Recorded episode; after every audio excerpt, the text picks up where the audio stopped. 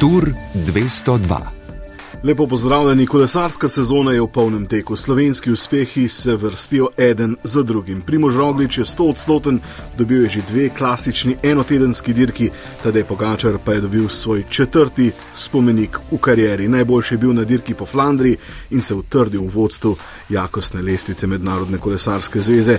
Pred vrati je Pariz Rube, na znamenitih kockah bo kolesaril tudi Matej Mohorič, o tem prihajajočem spomeniku, tem, kateri je največji med vsemi, najbolj čislen med vsemi, o dosedanjem poteku sezone Poga in Roga, o njenih bojih z Vanderpulom in Vanartom oziroma Evenepulom in kaj včaka v nadaljevanju sezone. O tem se bomo pogovarjali naš gost, Miha Koncilja, prvi trener Tadeja Pogačarja, zdaj vodja Pogitima. Lep pozdrav! Ja, lepo pozdravljeni, živijo. Tu pa tudi kolesarski reporter Vala 202, Igor Tominec. Lep pozdrav. Moje ime je Luka Petrič. Kolesarski podcast Vala 202. Ok, najprej v imenu, še vedno smo Tour 202, čeprav je Tour de France še daleč, ampak ime ohranjamo, prijel se je, eh, vendar smo tudi kolesarski podcast Vala 202 in Tour je splošno sprejeta kolesarska beseda. Se je tudi Tour of Flanders, recimo. Eh, Ja, Ali pa Tour of Slovenija. Tour de Slovenije. Ja. In ravno s Tour of Flanders uh, bomo začeli v originalu v flamščini Ronde de Flanderen, še ena klasika, še en spomenik, ki ga je osvojil slovenec, tedaj Pogačar je bil najboljši. Igor, tam si bil, kako je bilo? Spektakularno. Eh, nihče ni verjel od eh, domačinov, da bo tedaj Pogačar boljši od eh, Vanderpula in Vanarta. Pa je potem eh, slovenski as dokazal, da če si nekaj zada, da mu vse lahko uspe in eh, bilo je res spektakularno, ker tokrat je zmagal, če se po nogometno izrazim, na gostujočem terenu uh -huh. in dosegal izjemno zmago, tako da eh, bilo je fantastično biti slovenec v Belgiji. Miha, izjemna zmaga, Tadeja Pogačara, še ena izjemna zmaga. Kje bi to zmago uvrstili med njegovimi največjimi v karieri? Uh, jaz mislim, da bi kar bila tam drugo, tretje mesto si delila. Verjetno, da uh, ta prvi tur je vsem bil neki, tist, neki poseben, ga pa usvojen. Uh, pač uh, zmaga tako klasiko, kot je dirka po Flandriji, pa neki, neki neverjetenga. Predvsem z tega vidika, da v bistvu um, kolesari tipa, kot je tadej, se pravi, uh, za kolesari, ki dirkajo ponavadi na, na tri tedenskih oziroma eden tedenskih dirkah, načeloma res na, na taki klasiki, kot je dirka po Flandriji, niso bili v, povsem v spredju. Um, Tadeju pa je to uspelo in uh, v bistvu z tega vidika se mi zdi, da je to res en, en izjemen uspeh in um, ja, jaz bi ga kar uvrstil tam nekje na, na drugo, tretje mesto. Pač dirka na, na Franciji, le vemo, je nekaj posebnega in številka ena v kolesarstvu, um, dirka po Flandriji pa res tista od enodnevnih dirk, prav gotovo največja in se mi zdi, da bi kar uh, pasala tam nekje. Ja.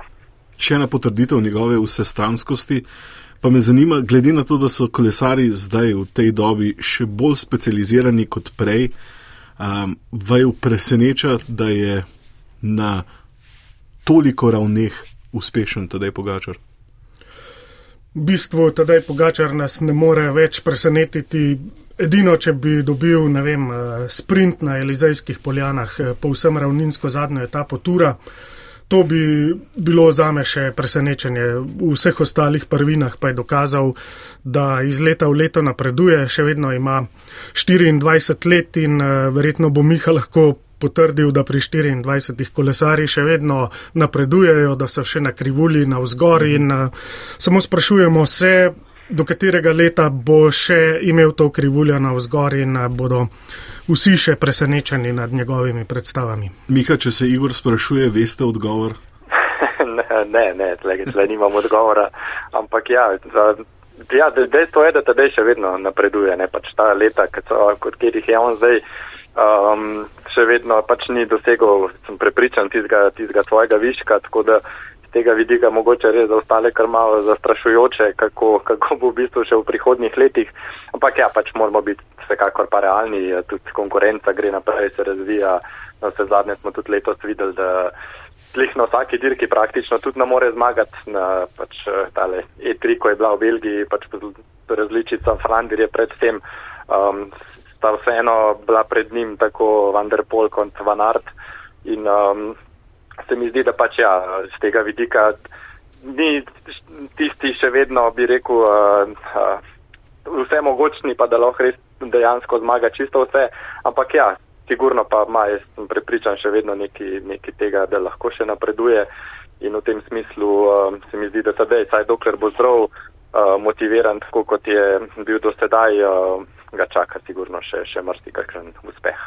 Nekaj besed o tem troboju, Vanderpool, Vanart, Pogačar uh, torej in Milano Sanremo, ker je Vanderpool šel in zmagal in uh, E3 na Saxo klasiku, uh, ker je na koncu trojica uh, sprintala in je zmagal uh, Van Art. Uh, tu tudi v spredju, tam 50 km pred ciljem, uh, ko je Pogačarju pa tam uspel pobeg. Je ravno pobeg tista največja njegova uh, vrlina, da lahko na ta način uh, ohromi njuno prednost, predvsem v Nartovo prednost, morda v sprintu. Ja, tedaj Pogačar je v tej trojki usiljivec, ker uh -huh. Vanderpool in Varart sta si bolj med seboj podobna uh, kolesarja. Vanderpool je še nekoliko močnejši, gre pa za te težko kategornike, ki lahko zmagujejo v sprintih in uh, na teh enodnevnih klasikah. Uh, tedaj pa očitno je tako talentiran za vse zvrsti kolesarstva, da se lahko tu zraven priključuje. Poudarek je pa na tem, da so te klanci na mnogih klasikah prekratki, da bi lahko uh -huh. njegove karakteristike sploh prišle v spredje. Tako da lani na Flandriji se mu ni uspelo utresti Vanderpula, letos pa so z ekipo očitno preštudirali stvar še bolje, naredili vse skupaj še težje in mu je uspelo se odcepiti. Zato mora staviti na pobege na takšnih etapah, ne more z njima priti skupaj do ciljne črte. Miha, vaš pogled na ta troboj. Ja, um, je tukaj v bistvu iz tega vidika uh, mogoče res ni, ni tak kategornik, kot se je Igor izrazil, težko kategornik kot Van Art in Van der Pol, ampak je pa res izjemen sploh v teh, pač tukaj moramo povedati, da dirke, ne, te enodnevne klasike, ki so, so v bistvu tudi med seboj, si, v bistvu, če bi gledali profil, lahko podobne, ampak tista glavno razliko pa naredi dolžina. Ne. Se pravi, nekje tam do 200 km vemo jih kar precej kolesarjev, tudi tistih, rečemo, drugorazrednih, pa so še vedno zelo kvalitetni, lahko zmaga tako dirko, a ne medtem ko dirke, ki so dolge 250 km ali pa več, tle se pa pozna pol tista razlika. In ravno letos se je to videlo po na, na Flandriji, ker je res ekipa UAE poskrbela že prej za to, da je bila izjemno težka, že praktično 100 km pred ciljem so začeli navijati tempo na vse te kratke špičke in dejansko na tak način tudi Vanderpola in Manarta utrudila, ne, uh, tem, da pač tudi ona dva potem na koncu, seveda, če bi prišla bolj sveža, bilo tada je v bistvu na teži pol na zadnji klanc narediti tisto razliko,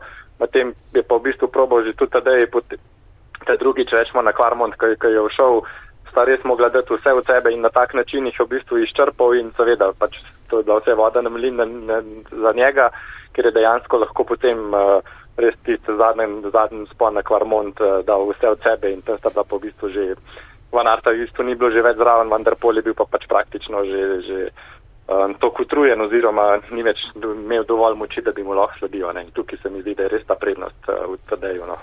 Pomembna je seveda moč ekipe in širina ekipe. Ravno to je bila morda ključna razlika lani na turu med Vingegordom in Pogačarjem, da je imel Vingegord vse skozi ogromno pomoči, medtem ko pa so v UAE padali kot muhe zaradi poškodb in drugih težav.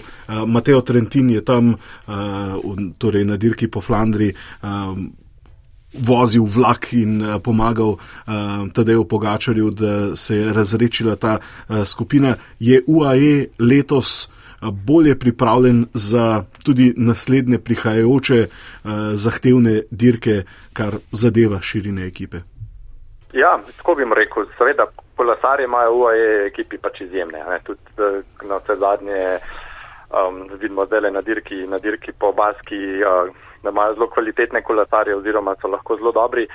Upam pa seveda tudi želim si, da bi vse tele, ki imajo v bistvu, se mi zdi kar precej kapetanov, če se lahko tako izrazim, um, usmerili v to, da se res vrhunsko pripravijo za, za dirko po Franciji, ne, konkretno Soler, uh, Almeida, na vse zadnje Ajuzo, vemo, tudi lani bil odličen tretji na, na koncu na Vuelti. Če se pač oni vsi usmerijo v to, da bodo šli na, na tur pomagati, da dirko usvoji tadej pogačar, potem imajo lahko izvrstno ekipo. Če bodo pa seveda naredili podobno, tako kot so lan, um, da mogoče pride res s tistimi pomočniki, če se tako izrazim, tipa Majka, ne vem, ste zadnje doma Novak, tudi bil zelo, zelo uspešen na nekaterih dirkah. Se mi pa zdi, da v tem primeru pa lahko zopet potegnejo malo krajšo, saj z tega vidika, ker vemo, pač niso pa vseeno te fante tako dobri kot, kot nekateri ostali, ki jih imajo v ekipi in z tega vidika si pač želim, no, da bodo, da bodo um, res pripravljeni 100%, ker ja, kot ste prej že omenili brez ekipe na turu um, dejansko res težko, težko potem konkuriraš za zmago. Toliko kot so lani imeli smole na turu, mislim, da se to ne more več ponoviti, kajti Pogačar je na koncu v cilj prišel skoraj da brez ekipnih pomočnikov. COVID je z desetkov, pa potem tista počena veriga Rafala Majke, pa Soler, ki je imel želočne težave. Mm. To je tak uh, sklop na ključi, da mislim, da se to res ne more ponoviti. Tako da mogoče je celo napačen vtis, da je UAE imel slabo ekipo v zadnjih letih na turu. Zagotovo bo letos imel dobro, v to sem prepričan. Pa zagotovo bo tudi kdo vmes odstopil, tako kot je zdaj na Flandriji. Uh, en polski kolesar katapultiral Tima Velensa, ki je bil tudi pomemben člen v vlaku za to dirko. Skratka, -huh. Tadej zna tudi, oziroma cela njegova ekipa zna tudi izimprovizirati in pač eh, narediti kar največ s tistim, kar imajo v danem trenutku. Mhm. Še naprej bomo malce pogledovali proti turu, se bomo še vrnili na Frandijo, ampak eh, ravno to različna taktika, kar zadeva izbire dirk do sedaj obeh glavnih protagonistov. Lanske dirke pričakujemo tudi letos, torej Tadeja Pogačarja in Jonasa Vingegorda. Eh, Pogačar veliko dirka, Vingegord manj, ta teden je na dirki po Baski. Ja, tedaj ima pač rad kolesarstvo na splošno, vse dirke, tudi te spomladanske klasike in jih ima med eh, svojimi cilji karijere. Mhm. Česar mogoče Vingegord nima, pa se tudi zaveda, da je Vingegord še bolj izrazito etapni dirkač kot eh, Pogačar, zato hodi na te enodnevne eh, etapne dirke v tej pomladi. Pogačar bo imel več tekmovalnih dni ampak glede na njegove izjemne karakteristike regeneracije, o kateri govorimo vso kariero, mislim, da se mu nič ne bo poznalo. Poslušam pa malo tuje strokovnjake, ki ugibajo, da bi lahko bil preveč nekako iztrošen že do francoskega tura, ampak mislim, da ko govorimo o 24-letnem kolesarju, da se to ne more zgoditi, vsaj še ne v tej sezoni. Miha, vas to slučajno kaj skrbi? O, ne, ne, mislim, da z tega vidika ni, ni enih skrbi, ker praktično zdaj tedaj bo zaključil tale prvi pomladanski del sezone, tam 23. aprila, če se namotem, ko je dirka Lež, Baston Lež. Je res, ja, mogoče, da so pač te, te enodnevne dirke utrujajoče z tega vidika, da se res maksimalno iztrošaš, ampak na etapnih dirkah prav tako pač treba biti vsak dan zelo pozoren, vsak dan gre, gre na polno in tako da z tega vidika se mi zdi, da, da ne bi smeli biti ene velike razlike. Sem pa opazil, no, se mi zdi, da na ProCycling stecu je zanimiva spletna stran, da v bistvu so preračunali, um, da bodo tako Vingegard kot Tadej, da ne bi imela do štarta tura enako, enako število štartov, seveda predpogoj, da Tadej štarta na dirko po Sloveniji, kot jo imajo zaenkrat v planu. Da, um, Jonas Vingegord pa, pa Dirko po Dauphineju, tako da ne bi bila ta številka pred turom cirka za oba dva tam okrog 25. Tako da z tega vidika se mi zdi, da tam je kar približno enako število dni. Bo pa glaven pomen seveda ta priprava zdaj v maju. Vemo, da vsi, ki se pripravljajo za tur, se načeloma osredotočijo na te višinske priprave in potem se mi zdi, da tisti tist moment oziroma ta del bo v bistvu najbolj pomemben koliko takrat se bo sta oba dva spočila, glava pripravila na to, da je treba res potem pa julija iti zopet na polno tiste tri tedne. Če se vrnimo, če se vrnimo k Flandriji, me zanima, kaj naredi Flandrijo posebno. Nekajkrat smo slišali v zadnjih dneh, da je Flandrija največja, najbolj čislana dirka, največji spomenik. Uh, se strinjata s tem, uh, torej, če primerjamo z preostalimi uh, Milano, Sanremo, uh, Paris, Rube, uh, Lež, Baston, Lež in Lombardija? Ja, jaz se strinjam, predvsem zdaj, ko sem videl živo, koliko gledalcev je ob trasi, pa kako dolga je zgodovina dirke, pa kako težko je bilo Belgicem odnesti zmago eh, na domačem terenu, ker so dobili v zgodovini kar 69 Flandri od 106 eh, izpeljanih. Mhm. Skratka, te karakteristike po mojem mnenju, uvrščajo Flandrijo na prvo mesto. Francozi bi rekli, da je to Pariz Rube, največja, ampak tja se iz svetovnega vrha sploh ne prijavi tako veliko kolesarjev kot na Flandrijo, zaradi tega, eh, po mojem mnenju, ker je tudi zelo nevarna na teh odsekih hmm. in ker takšen tip kolesarja kot Pogačar tam ne more uspevati, zato zgubi nekaj tega blišča v primerjavi z Flandrijo. Mhm. Miha? Ja, se strinjam. Flandrija je pač največja enodnevna kolesarska dirka. Tle mislim, da tudi bi najbolj bilo merilo to, če bi vprašali kolesarje uh, potem in se mi zdi, da bi kar velika večina se tle strinjala s tem, da je da pač Flandrija je res tista največja enodnevna uh, dirka, klasika, uh, da si jo v bistvu vsi želijo dobiti.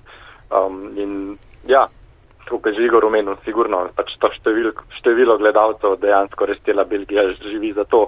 In pa v bistvu sama konfiguracija te dirke, dolžina, koliko je težka, da res pač zmaga na koncu tisti, ki je najboljši. Tle moraš res, ne samo, da se ti mora vse poklopiti, ampak moraš biti na koncu res najmočnejši, da, da dobiš to dirko.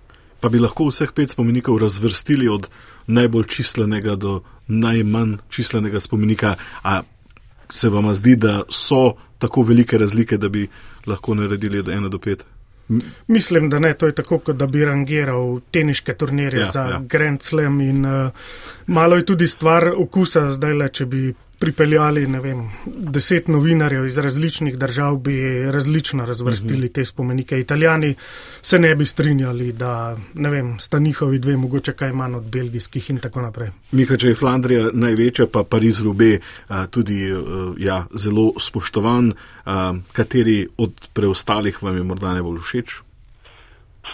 Jaz bi kar rekel, da Pariz Rube Um, ampak ja, bolj z tega vidika, če gledamo kot, kot gledalec na to dirko, pač vemo, da je dejansko res una kruha in igar boj za preživetje, mm. ne, glede, ne glede na to, kakšne so žrtve, ampak za kolesarje pa ja, kot je že Igor prej lepo rekel, um, se, se ne parjavljajo lih vsi prav radi na to dirko, ker je dejansko res večja verjetnost, da se ti kaj zgodi in praktično pred sabo imaš še celo sezono in um, ni za razkerati, ne sploh tipa kolesarjev kot je in tedaj pa verjamem, da bi jo tudi tedaj, če bi se ne, niti to rekel, bi pripravil na to, kot je zanj zanč rekel, da bi mogel kakšne kilograme dobiti, to se mi niti ne zdi tako zelo pomemben, ampak res bolj z tega vidika, da je dejansko to lahko navaren, da tam pač padeš, si poškoduješ in praktično potem je sezona že skoraj končana ne, in z tega vidika.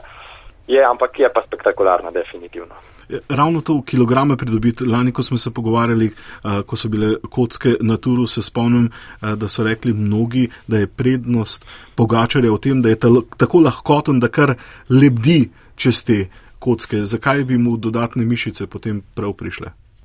Ja, da, um, pa v bistvu bi prav prišle, ker tle nimamo uh, klancov. Se pravi, res na klance uh mhm. -huh. poznati sta vati na kilo, ker so kolesarstvo zelo poznani oziroma se jih zelo radi primerjamo tle po ravnini pa dejansko so res tisti surovi vati. Sprav se, koliko časa ti lahko držiš vate na eni določeni dolžini, ne, oziroma višini, koliko časa pač to lahko traja in tle dejansko tisti, ki so teži, imajo načeloma prednost. Je pa res, ja, da um, pač si mogoče lažje, da, da te malo bolj odbija po teh kockah in greš lahko hitrejš, ampak ja, ne, se mi zdi, da glavna razlika spet med, na, na, rečemo, tudi Pariz Rubejo je ta dolžina, ne, oziroma tle.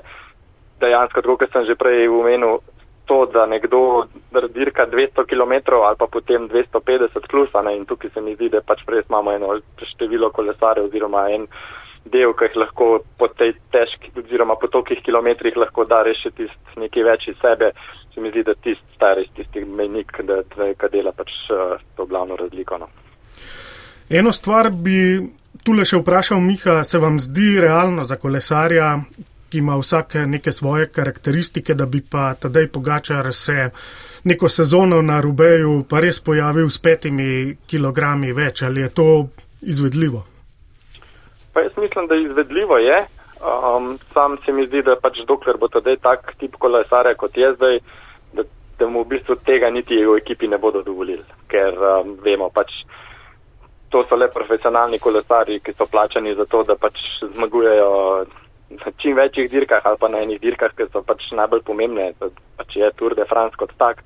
Um, tle mislim, da mogoče res v tistem delu, mogoče proti koncu njegove karijere že če bo pač res dosegel že, ne vem, neki tok veliko število zmag na turu, na Inžiru, Vel, tako karkoli, da mu bodo pa pač konc koncev tudi ekipi pol rekli, pa dovolili, da bila res tista njegova želja, le tole bi pa res še rad zmagal, to grem štartati, ne glede na to, kaj se pol tekom sezone lahko še zgodi, da bi mu to dovolili, ampak dvomam pa, da bi še ekstra za to šel pa tako pripravljati, da preko, da bomo pa tlele naredili načrt, zato tok zredil, tok več mišične mase dobo, da bom konkurenčen na, Pari, na, na Paris Rubeju, to pa mislim, da ne, ker na vse zadnje, dokler bo konkurenčen, kot sem omenil na dirkah, kot je tur Giro, se pravi, da bo tle lahko ti glavni protagonist za zmago, se mi zdi, da mu to uh, vodilni možje v ekipi, na, v ekipah ne bodo dovolili.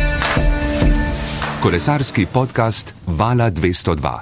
Okay, posvetimo se uh, še Primožu Rogliču, dve enotedenski dirki za en letos, dve zmagi na Tirenu Adriatiku, torej od Tirenskega do Jadranskega morja in na dirki po Kataloniji. Zanima me predvsem, ker lani po uh, tistem pacu uh, na Vuelti, pa na vse zadnje tudi po Turu, ga pogosto javnost odpiše in pravijo mnogi, njegov čas je minil in potem vsakič znova pokaže, da je še vedno v čistem vrhu kolesarstva.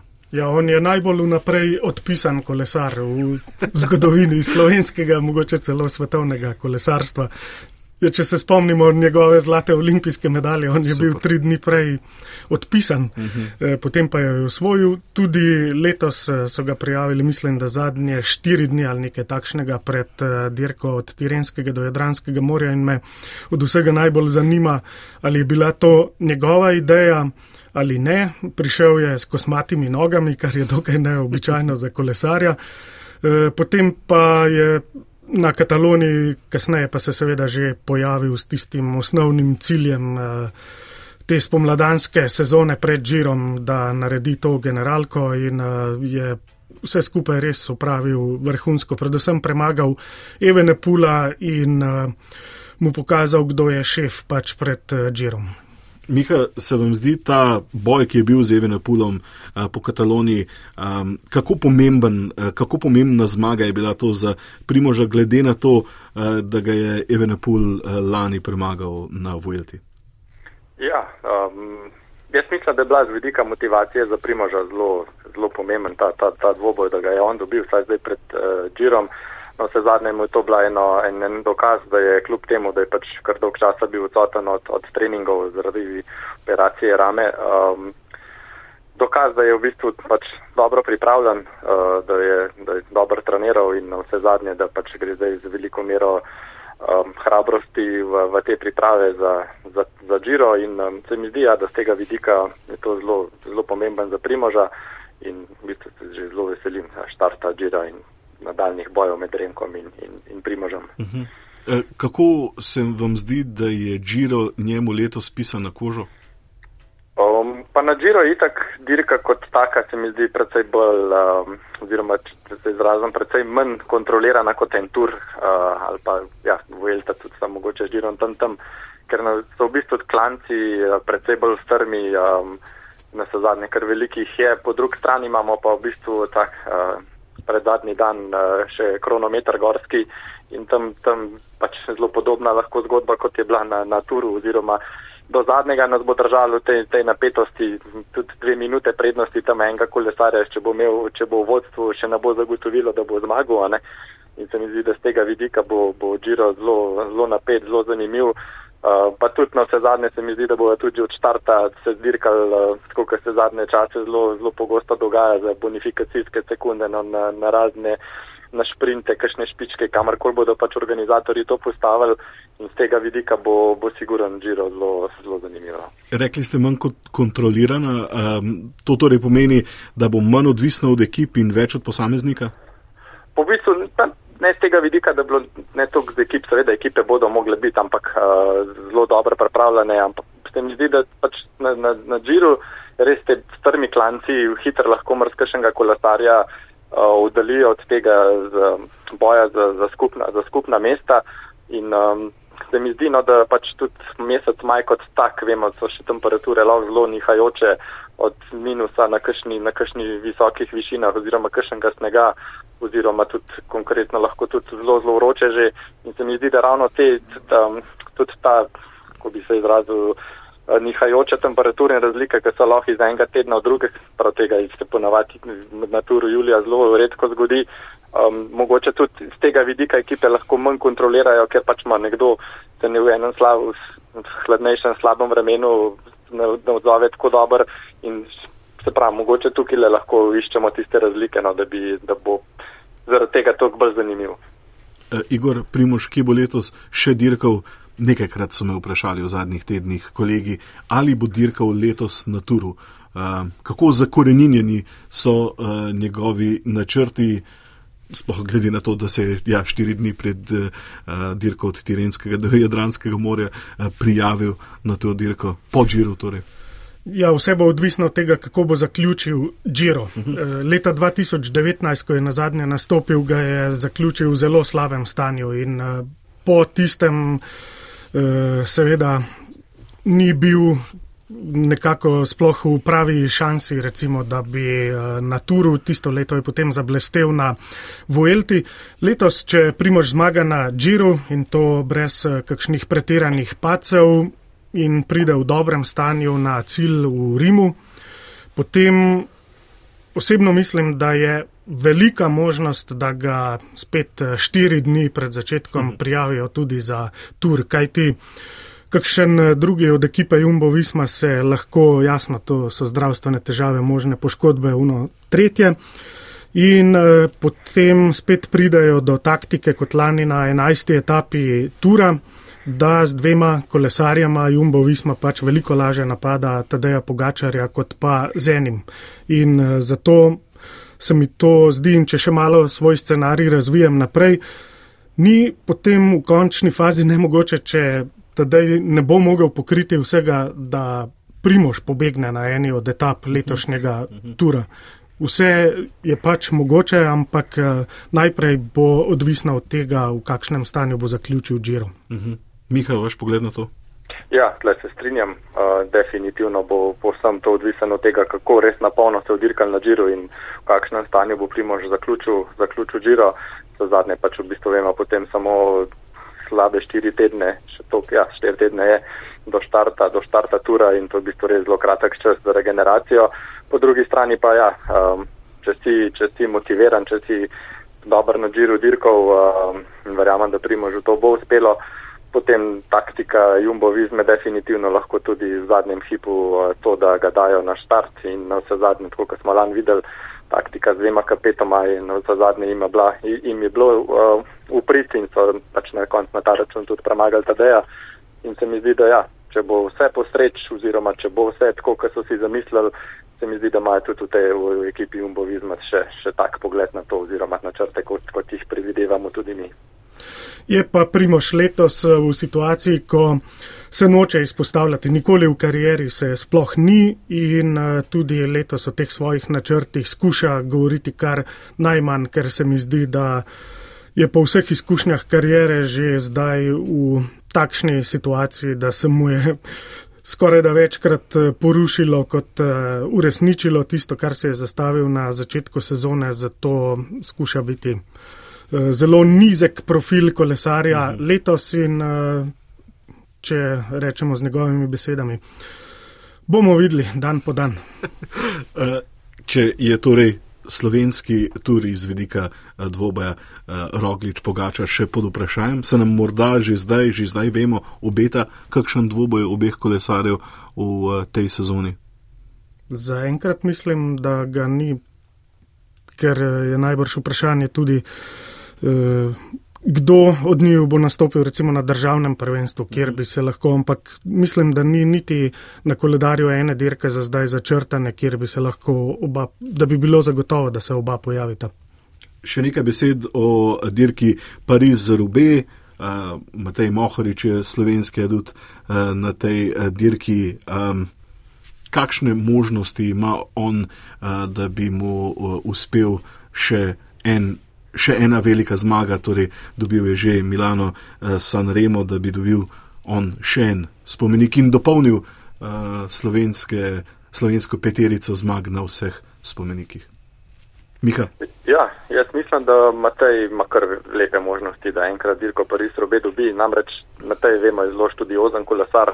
Um, če kdo zna predvideti na dirki, kaj se bo zgodilo, je to on in veri, pač ima tiste, tiste instinkt v sebi, ki lahko ugotovi oziroma da tisti trenutek v sebe maksimum, ki mu morda najbolj potrebno in uh, se mi zdi, da ima letos res kar lepe šanse oziroma se mi zdi, da ga ima v glavi označenega že kar en, en lep čas in seveda pač, kot smo pa se prej pogovarjali, res robe, res je na bistvu loterija z tega vidika že praktično, da ne padeš, da ne dobiš defekta, da prideš v bistvu tiste boje zaključne, brez da si prej porabojen preveč energije. Vse to je tisto, kar, kar na koncu pač odloča o tem, kdo bo zmagal, ampak se mi zdi, ja, da Matej z tega vidika, ker je taktično res izvrsten kolesar, da lahko prav na ta način um, odloči pač pa dirko Pariz robijo svoj prid. Ustrajnost je tudi izredno pomembna. Lani je bil blizu, Mohorič pa ga je potem doletel defekt, mislim, da je bilo v zadnjih 20 km.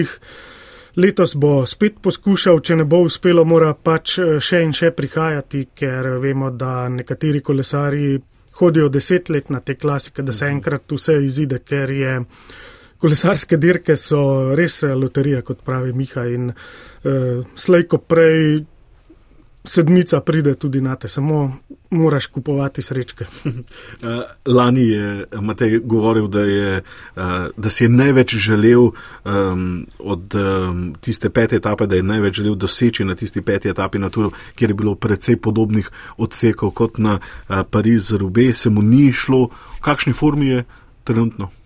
Ja, boljše kot je bil lani na tisti peti etapi, ker se mu je. Eh, med dirko po Sloveniji in turom eh, forma porušila oziroma eh, ga je doletela neka bolezen, za katero so potem še dolgo ugotavljali, kaj se sploh z njim dogaja in na turu ni uresničil svojega potencijala, medtem ko mislim, da je zdaj temperal formo za Pariz robe in da je v formi. Samo v zadnjem obdobju je doživel tudi dva paca, ki nekoliko oduzameta tisto ostrino, pa upajmo, da ni kakšnih posledic. Upamo, res tako. Hvala lepa obema, vesel, da smo bili skupaj. Miha, veliko sreče v Pogitimu, Igor, srečno pot ti želim v pekel.